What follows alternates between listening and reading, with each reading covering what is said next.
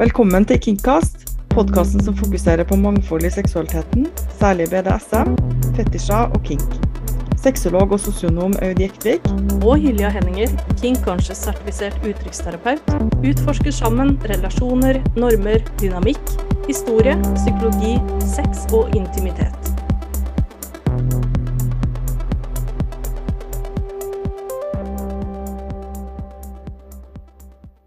I dag så skal vi snakke litt om å reise med sexleketøy. Nå har jo grensene åpna igjen, og vi kan begynne å reise litt mer. Så da tenkte vi at vi skulle forberede oss litt på det. Ja.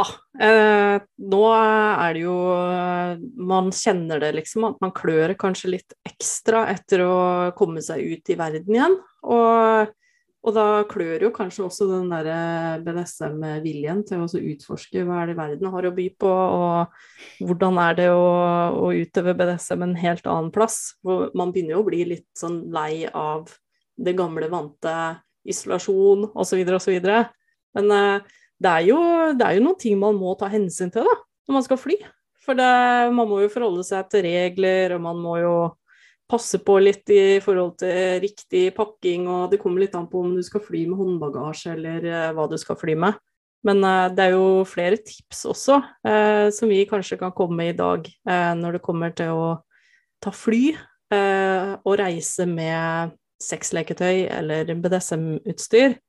Og en av de tinga som jeg har vært veldig nervøs for sjøl når jeg har flydd, det er vibrerende leketøy. Uh, for jeg er så, jeg veit ikke, jeg er nok litt sånn prektig og litt uh, Når det kommer til sånne ting, så er jeg litt sjenert.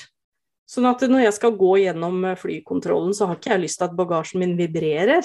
Så jeg er alltid den som passer på å ta ut batteria, men det er jo, det er jo lurt også med tanke på brannsikkerhet og osv. osv. og så, men det, ja, det er litt å ta hensyn til før man skal fly.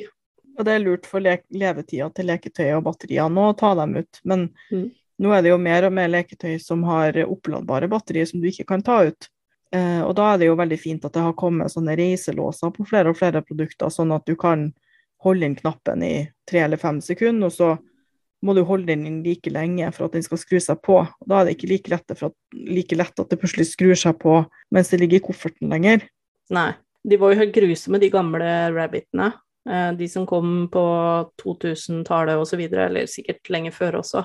Men de, altså, de, var så følsomme på knappene. Knappene stakk jo ut. Så bare man kom litt innpå, så bare bzz, bzz, bzz, så begynte det jo Og det var jo sånn voldsom høy lyd. De vibratorene som kommer i dag, de er jo kjempestille til sammenligning. Så det er jo litt godt, da. ja, mye stillere, de fleste, og det er jo veldig bra. Og så er det jo designet kan jo noen ganger være litt sånn, fordi lenge så hadde jeg um, en vibrator på nøkkelknippet mitt. Mm -hmm. um, men den så ut som en liten sånn boksehanske. Oh, ja. Så jeg ble en gang stoppa i sikkerhetskontrollen med en sånn Hva er det her? Oh. Da sa jeg det er en vibrator, og så tror jeg ikke han hørte hva jeg sa. Og så ble han irritert, og så ble jeg irritert, og så Det skal jeg nå innrømme. Jeg var litt sånn Det er en vibrator. Altså, den er ikke farlig. Kan vi bare Uh, så det endte med at jeg da skrur den på og legger den i hånda hans, og da blir han enda mer irritert. Og det blir mer kleint enn han trengte å være. da. Um, men jeg sa jo at den har jo aldri vært brukt til det som var intensjonen, det har jo bare vært en sånn ja. pynteting. Uh, og så var det en litt voksen kollega av den unge vakta som stoppa meg, da, som flirte litt, og så var vi liksom ferdig med det. Mm. Uh, og så fikk jeg gå gjennom. Det er jo lov å ha med vibrerende leketøy eh, om så i håndbagasjen hvis man vil. Mm. Vær litt forsiktig med sånn litiumbatteri, for det skal man jo helst ikke ha med inn på flyet og sånn, men eh, bortsett fra det, så er det ikke noe forbud mot det. Eh, det er noen land der eh, det er ulovlig å ha med sexleketøy i det hele tatt. Mm. F.eks. i Maldivene, ja. Eh, Saudi-Arabia, Malaysia, Emiratene, Thailand og Vietnam, så er det helt ulovlig å ha med mm. sexleketøy. Ja. Og selv om kanskje sjansen ikke er så stor for at man blir arrestert, så er det jo unødvendig. Ja. Um, hvis man ikke uh, Altså, man får kjenne hvor modig man er. hvor, um, hvor, stor sjansen er for at noen finner det i bagasjen din. Og så er det jo mm. sånne land som India, der sexleketøy ikke er forbudt per lov, det, det er lov å selge det og sånn, men man kan bli straffa via såkalte obscenity laws, at det er oppskjønt Ja. Um, hvis man har uflaks. Så jeg ville ha vært forsiktig i de landene som jeg nå nevnte. Um, Mm. Og så er det jo noen stater i USA, da. Uh, for eksempel i Texas er det ulovlig å eie mer enn seks dildoer. Mm. Så der må du i hvert fall tenke på antallet når du pakker. Ja. Du kan ha så mange håndvåpen du bare vil, men eh, du kan ikke ha mer enn seks dildoer. Rart med det, altså. Det er mer skummelt med seksualitet enn med vold, altså. Det er merkelig nok. Men uh, Jeg lurer på hvordan de landa på akkurat tallet seks. Det er jeg veldig nysgjerrig på, men eh, det, det burde jo mm. ikke vært et tall uansett. Um, Altså jeg har jo en sånn eh, jeg, jeg tenker jo det at de som er konservative, er vel de som er mest seksuelt eh, frigjorte på soverommet, så det er nok noe, noe der også.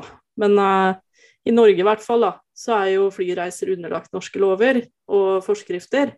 Så Mm. det å ta med BDSM-utstyr eller sexløketøy og sånn på fly, det, det er ikke noen nasjonale restriksjoner eh, på det å reise med BDSM-relaterte ting. Men det må gå innenfor det som er regler for flyselskapet, da. Eh, som f.eks. Ja. at du kan liksom ha maks ha med deg væske inntil 100 milliliter, eh, og, og beholdere som rommer mer enn det, da. De må jo kastes. Uansett hvor mye de inneholder, faktisk. Så tar Mm. du med liksom en liter med glidekrem, så går det i søpla. Og alle beholderne må få plass i en gjennomsiktig énliterspose, og kun én liters pose er tillatt per, altså det er per reisende, da. Uh, og så er det egne regler for altså taxfree-poser i forskjellige poser osv., ifølge Avinor, da. Uh, og det er jo også regler i forhold til det med våpen, stikkvåpen osv. osv. I forhold til hva du får med deg i håndbagasjen. Men eh, jeg er ganske sikker på at du får lov til å ha med deg kniv i, i vanlig Altså i kollien din, da.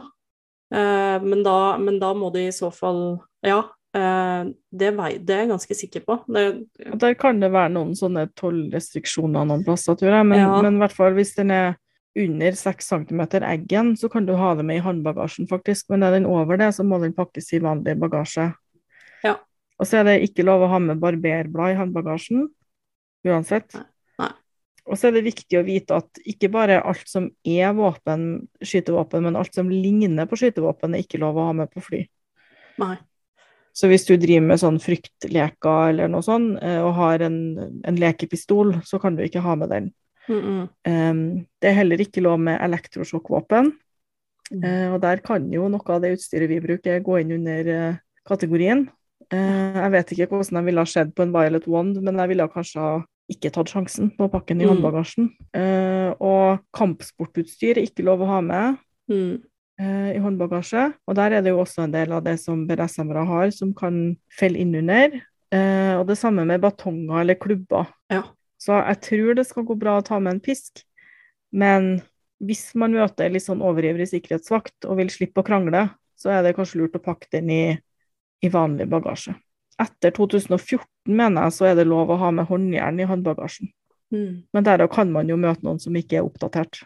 Men hvis man skal gå gjennom sikkerhetskontrollen, da, og du får noen spørsmål, og du syns kanskje det er litt flaut å fortelle sannheten, så er det jo veldig viktig at når du blir spurt av en kontrollør, så forteller du alltid sannheten. For det, det, det baller bare på seg hvis man eh, oppfører seg rart, eller Og de er jo trent. De er trent på å se når folk oppfører seg litt sånn rart eller er nervøse, eller De er veldig gode på kroppsspråk.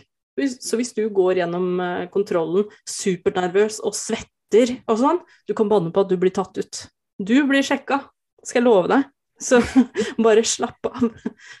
Så er det noe med at selv om det nå er tillatt å ha med seg håndjern, tau, pisk, gag, bind for øynene Hvis du blir tatt med alt det i håndbagasjen og i tillegg virker dritnervøs, så er det kanskje litt sånn Det kan man jo tenke gjennom, da, om man orker den diskusjonen eller ikke.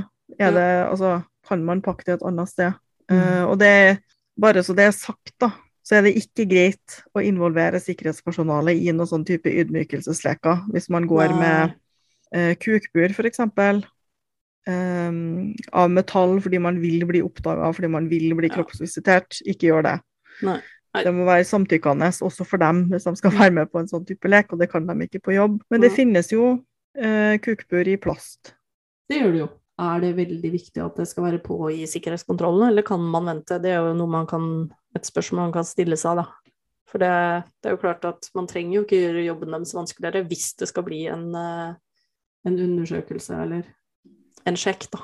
Jeg er jo litt for å gjøre jobben til sikkerhetspersonalet så lett som mulig. Samtidig så har jeg forståelse for at for de som skal dra og møte nøkkelholderen sin, eller har eh, At det er en greie at når man er på forretningsreise, så skal man ha buret på, eller sånn.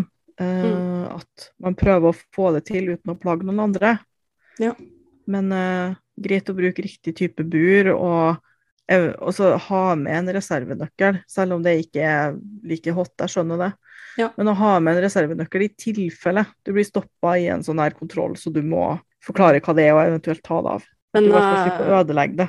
Men det, det går jo også an å, å gjøre det sånn Altså, jeg har jo reist med, med slavekollar. Da var det jo et metallkollar. Sånn at det bestemte vi oss for å bare legge i bagasjen. Eh, Sånn at når man landa i London, så var det bare å sjekke ut bagasjen, rett inn på toalettet og på med collaren igjen. Fordi eh, det var en avtale man hadde lagd i forkant, at du får ikke gå ut av flyplassen før det collaren er på. Så det går an også å lage seg litt sånne ordninger og avtaler også i forkant, hvis man har utstyr som du veit kommer til å pipe i kontrollen. Mm. Så det er bare å være litt kreativ også, da. Og så skal det jo sies at det personalet som jobber i sikkerhetskontrollen, de bryr seg egentlig veldig lite, altså. Men det er jo selvfølgelig en fare for at noen blir irritert hvis man lager merarbeid, og hvis man, særlig hvis man da gjør seg vanskelig. Mm. For det er jo ikke alle som kjenner BDSM særlig godt, og, og skjønner symboleffekten i et collar eller i hva det nå er man har på seg, da. Nei. Sånn at det bare blir litt frustrerende. De syns ikke nødvendigvis at det er spennende eller, eller spesielt rart, eller sånn, men det er bare upraktisk for dem. Ja, sant. Når det kommer til bondage, da, for ja, du kan jo ta med mye av det i håndbagasjen, men det er eh, en del problemer også, eller utfordringer med det å ta med bondage-utstyr. Fordi at eh, i noen land, eh, nå har jeg ikke helt oversikten her over hvilke land, men i noen land så kan pisker og floggers og padler klassifiseres som selvforsvarsgjenstander. Og de kan Mm. også risikeres å, å konfiskeres. Eh, så det er jo noe man må ha litt i bakhuet. Og, og det gjelder jo altså når det kommer til håndjern og tau og, og brystvorteklemmer, da, eller nipple clamps, så, så er det vanligvis greit. Men det er faktisk lurt å oppvare det i nærheten av hverandre, og legg, så legg de gjerne hvis du har de originale eh, boksene eller merkeveskene, og, og legge det til på en måte, det, gjør, det gjør sånn at eh, det er lett å se ok, hva er det her for noe? Eh, fordi det er som du sier, det er ikke alle som har kunnskap om alt det utstyret her, og lurer litt på bruken av det. Og da kan det hende at det står på boksen at dette er eh, lekeutstyr, eh, sexleketøy osv så blir det også litt enklere å Mm. forholde seg til. Uh, og de bør jo gå i innsjekka bagasje, først og fremst, ikke helst ikke i håndbagasjen. Uh, for de kan faktisk bli konfiskert, og det er jo en risiko man må ta når man eh, flyr med sexleketøy og BDSM-utstyr. Ja, og så er det jo noen land der det er mer vanlig å bli stoppa i tolla med å åpne bagasjen sin. Og det bør man jo også være litt forberedt på, da. At man ikke Selv om sjansen ikke er så stor, at hvordan vil du føle deg da? Jeg skjønner at det veldig kjedelig å kanskje velge å legge igjen noe leketøy hjemme fordi man frykter at man skal bli stoppa i sikkerhets sikkerhetskontroll, eller i Altså til og med måtte åpne den innsjekka bagasjen sin. Men det er noe Mm. bedre å være forberedt, tenker jeg, Ja. enn å ende opp i en situasjon der det skjer, og du ikke håndterer det spesielt bra. Absolutt. Og så er det jo det med vekta, da. At uh, ofte har man bare 20 kilo eller så til gode, eller til rådighet. Og jeg har sjøl stått og pakka om koffert uh, på Gardermoen, der kofferten blir for tung, og man måtte da pakke noe i håndbagasje og, og bytte litt mellom kofferter og sånn, fordi man hadde et helt lærantrekk og et helt lateksantrekk. Og det var ganske tungt, altså. Så bare tenk litt på det òg. Også hvis man har med spray f.eks. til lateks eller sånn, og ikke pakk det i håndbagasjen. Nei. Det er akkurat det. Men så er det jo, hvis du har noen leketøy som tenker det her er sånn på grensa, det her er sånn Elsplay, og det her er det, eh, ting som ser rett og slett veldig skumle ut, som er skapt for å skape frykt hos subben sin, eller for uh, den du skal leke med, så, så, er det jo å ha litt i bakhuet at i dag så kan alt leases. Og uh, senest for noen dager siden så leasa jeg ikke kinkutstyr, nei, men briller. Så, så alt kan leases. Uh, så jeg har jo faktisk gjort det sjøl. Jeg har reist til London, jeg har reist til Berlin, og jeg har leasa sexutstyr. Og det er jo kjempegenialt. Altså ikke nødvendigvis vibratorer og sånne type ting, men pisker, eh, floggere osv. Altså alt nesten kan leases, og det er kjempekult. For da kan du faktisk leke med de leketøya som du har lyst til å eh, leke med, eh, og dra det så langt du bare vil, uten å være bekymra for å bli stoppa i tollen eller må dra fram et eller annet som du må forklare deg for, da. Så det syns jeg er en fint, et fint alternativ. Mm.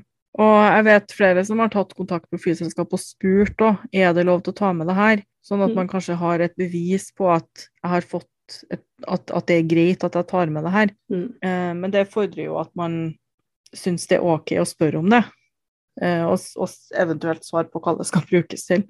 Ja. Ikke for at jeg tror at flyselskapet interesserer seg så mye for det, jeg har ikke hørt noen som har fått spørsmål om det, men man vet nå aldri. Nei, man vet jo aldri. Men det er absolutt lurt å høre med de hvis man uh, føler seg komfortabel med det, altså. Men før man skal reise, så er man jo også uh, Jeg vet ikke, jeg, jeg, ser for meg at alle gjør som meg, men det gjør de selvfølgelig ikke. Jeg elsker pakkelister.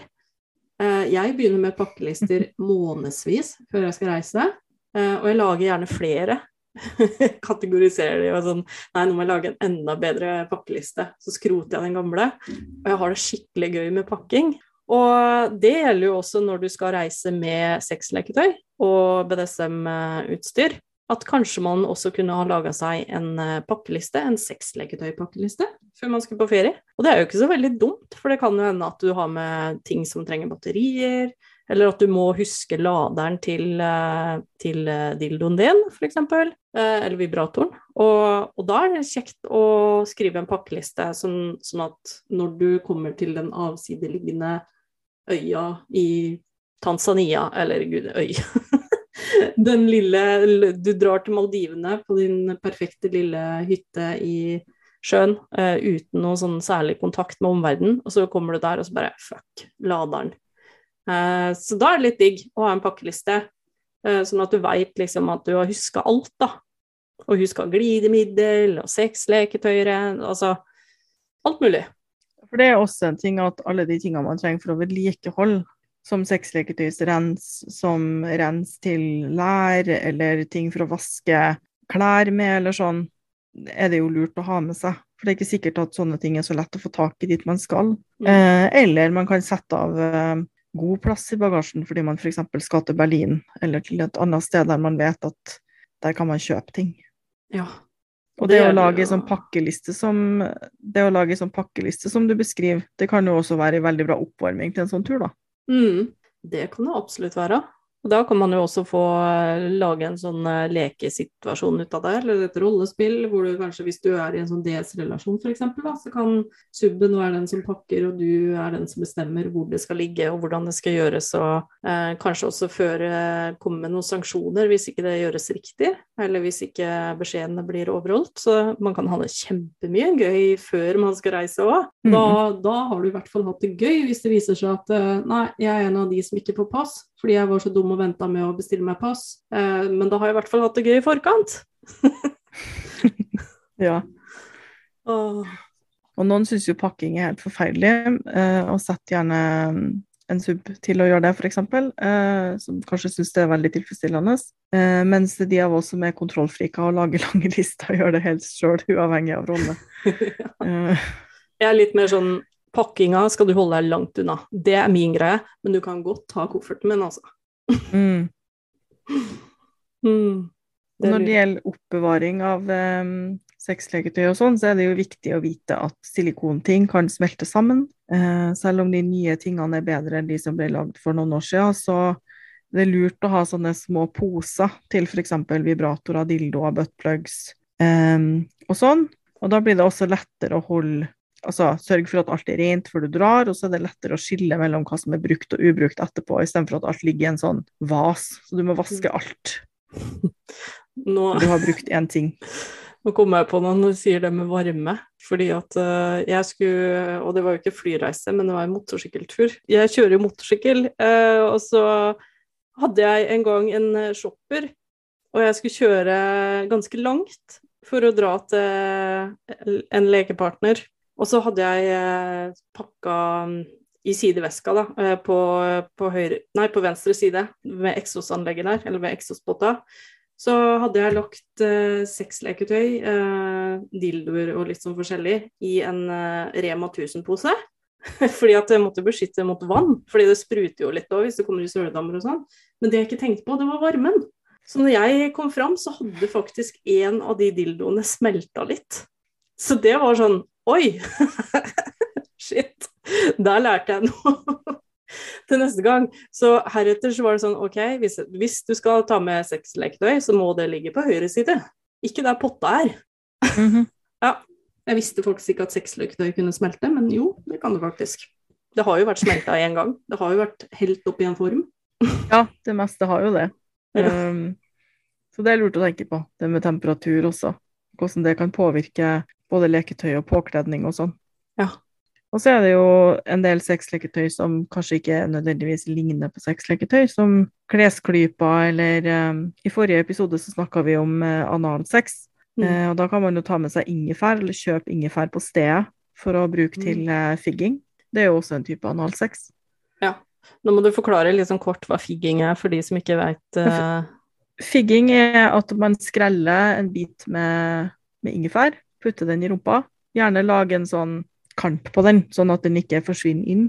Eh, og for noen så er det mer enn nok, og hvis man syns at det ikke blir nok stimuli, de fleste oppfatter det som sånn sviing eller sitring eller en litt sånn brennende følelse, så kan man spenke noen samtidig som at de har den i, sånn at rumpemusklene trekker seg sammen og det kommer ut mer saft av ingefæren. Eh, eller man kan sylte ingefæren først, Jeg elsker ingefær. Altså, det kan jo tydeligvis brukes til alt. sånn omtrent. Omtrent.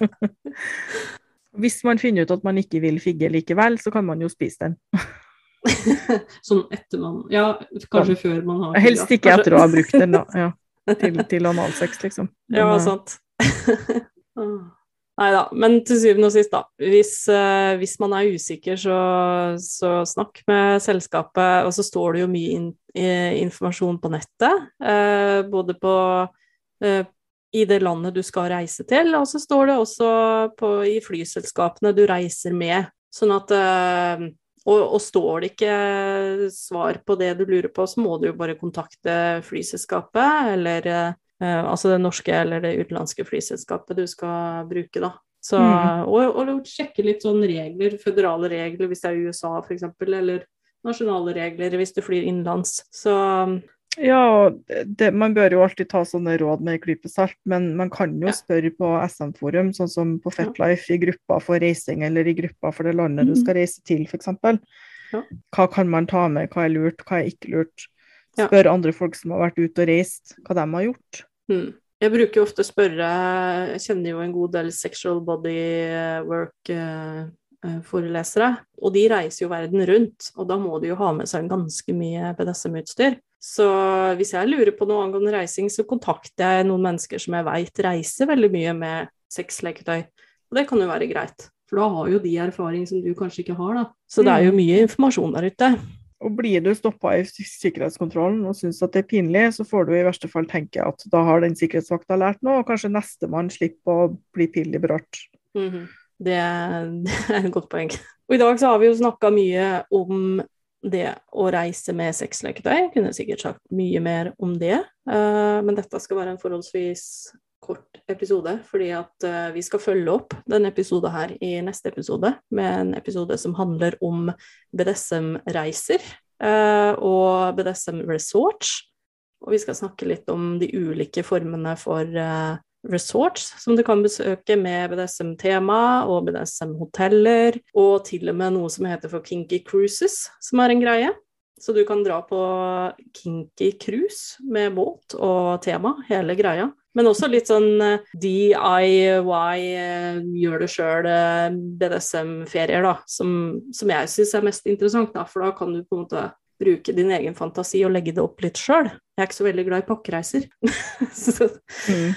så, følg gjerne med i neste episode hvis du trenger litt uh, tips for hvor du kan reise i verden hvis du vil ha sånn type BDSM-temareise, da. Og takk for uh, at du var med oss i dag. Og har du spørsmål eller ønsker om hva vi skal snakke om uh, i våre neste episoder, så må du gjerne sende oss en e-post, og e-posten vår er kingcast at hotmail.com.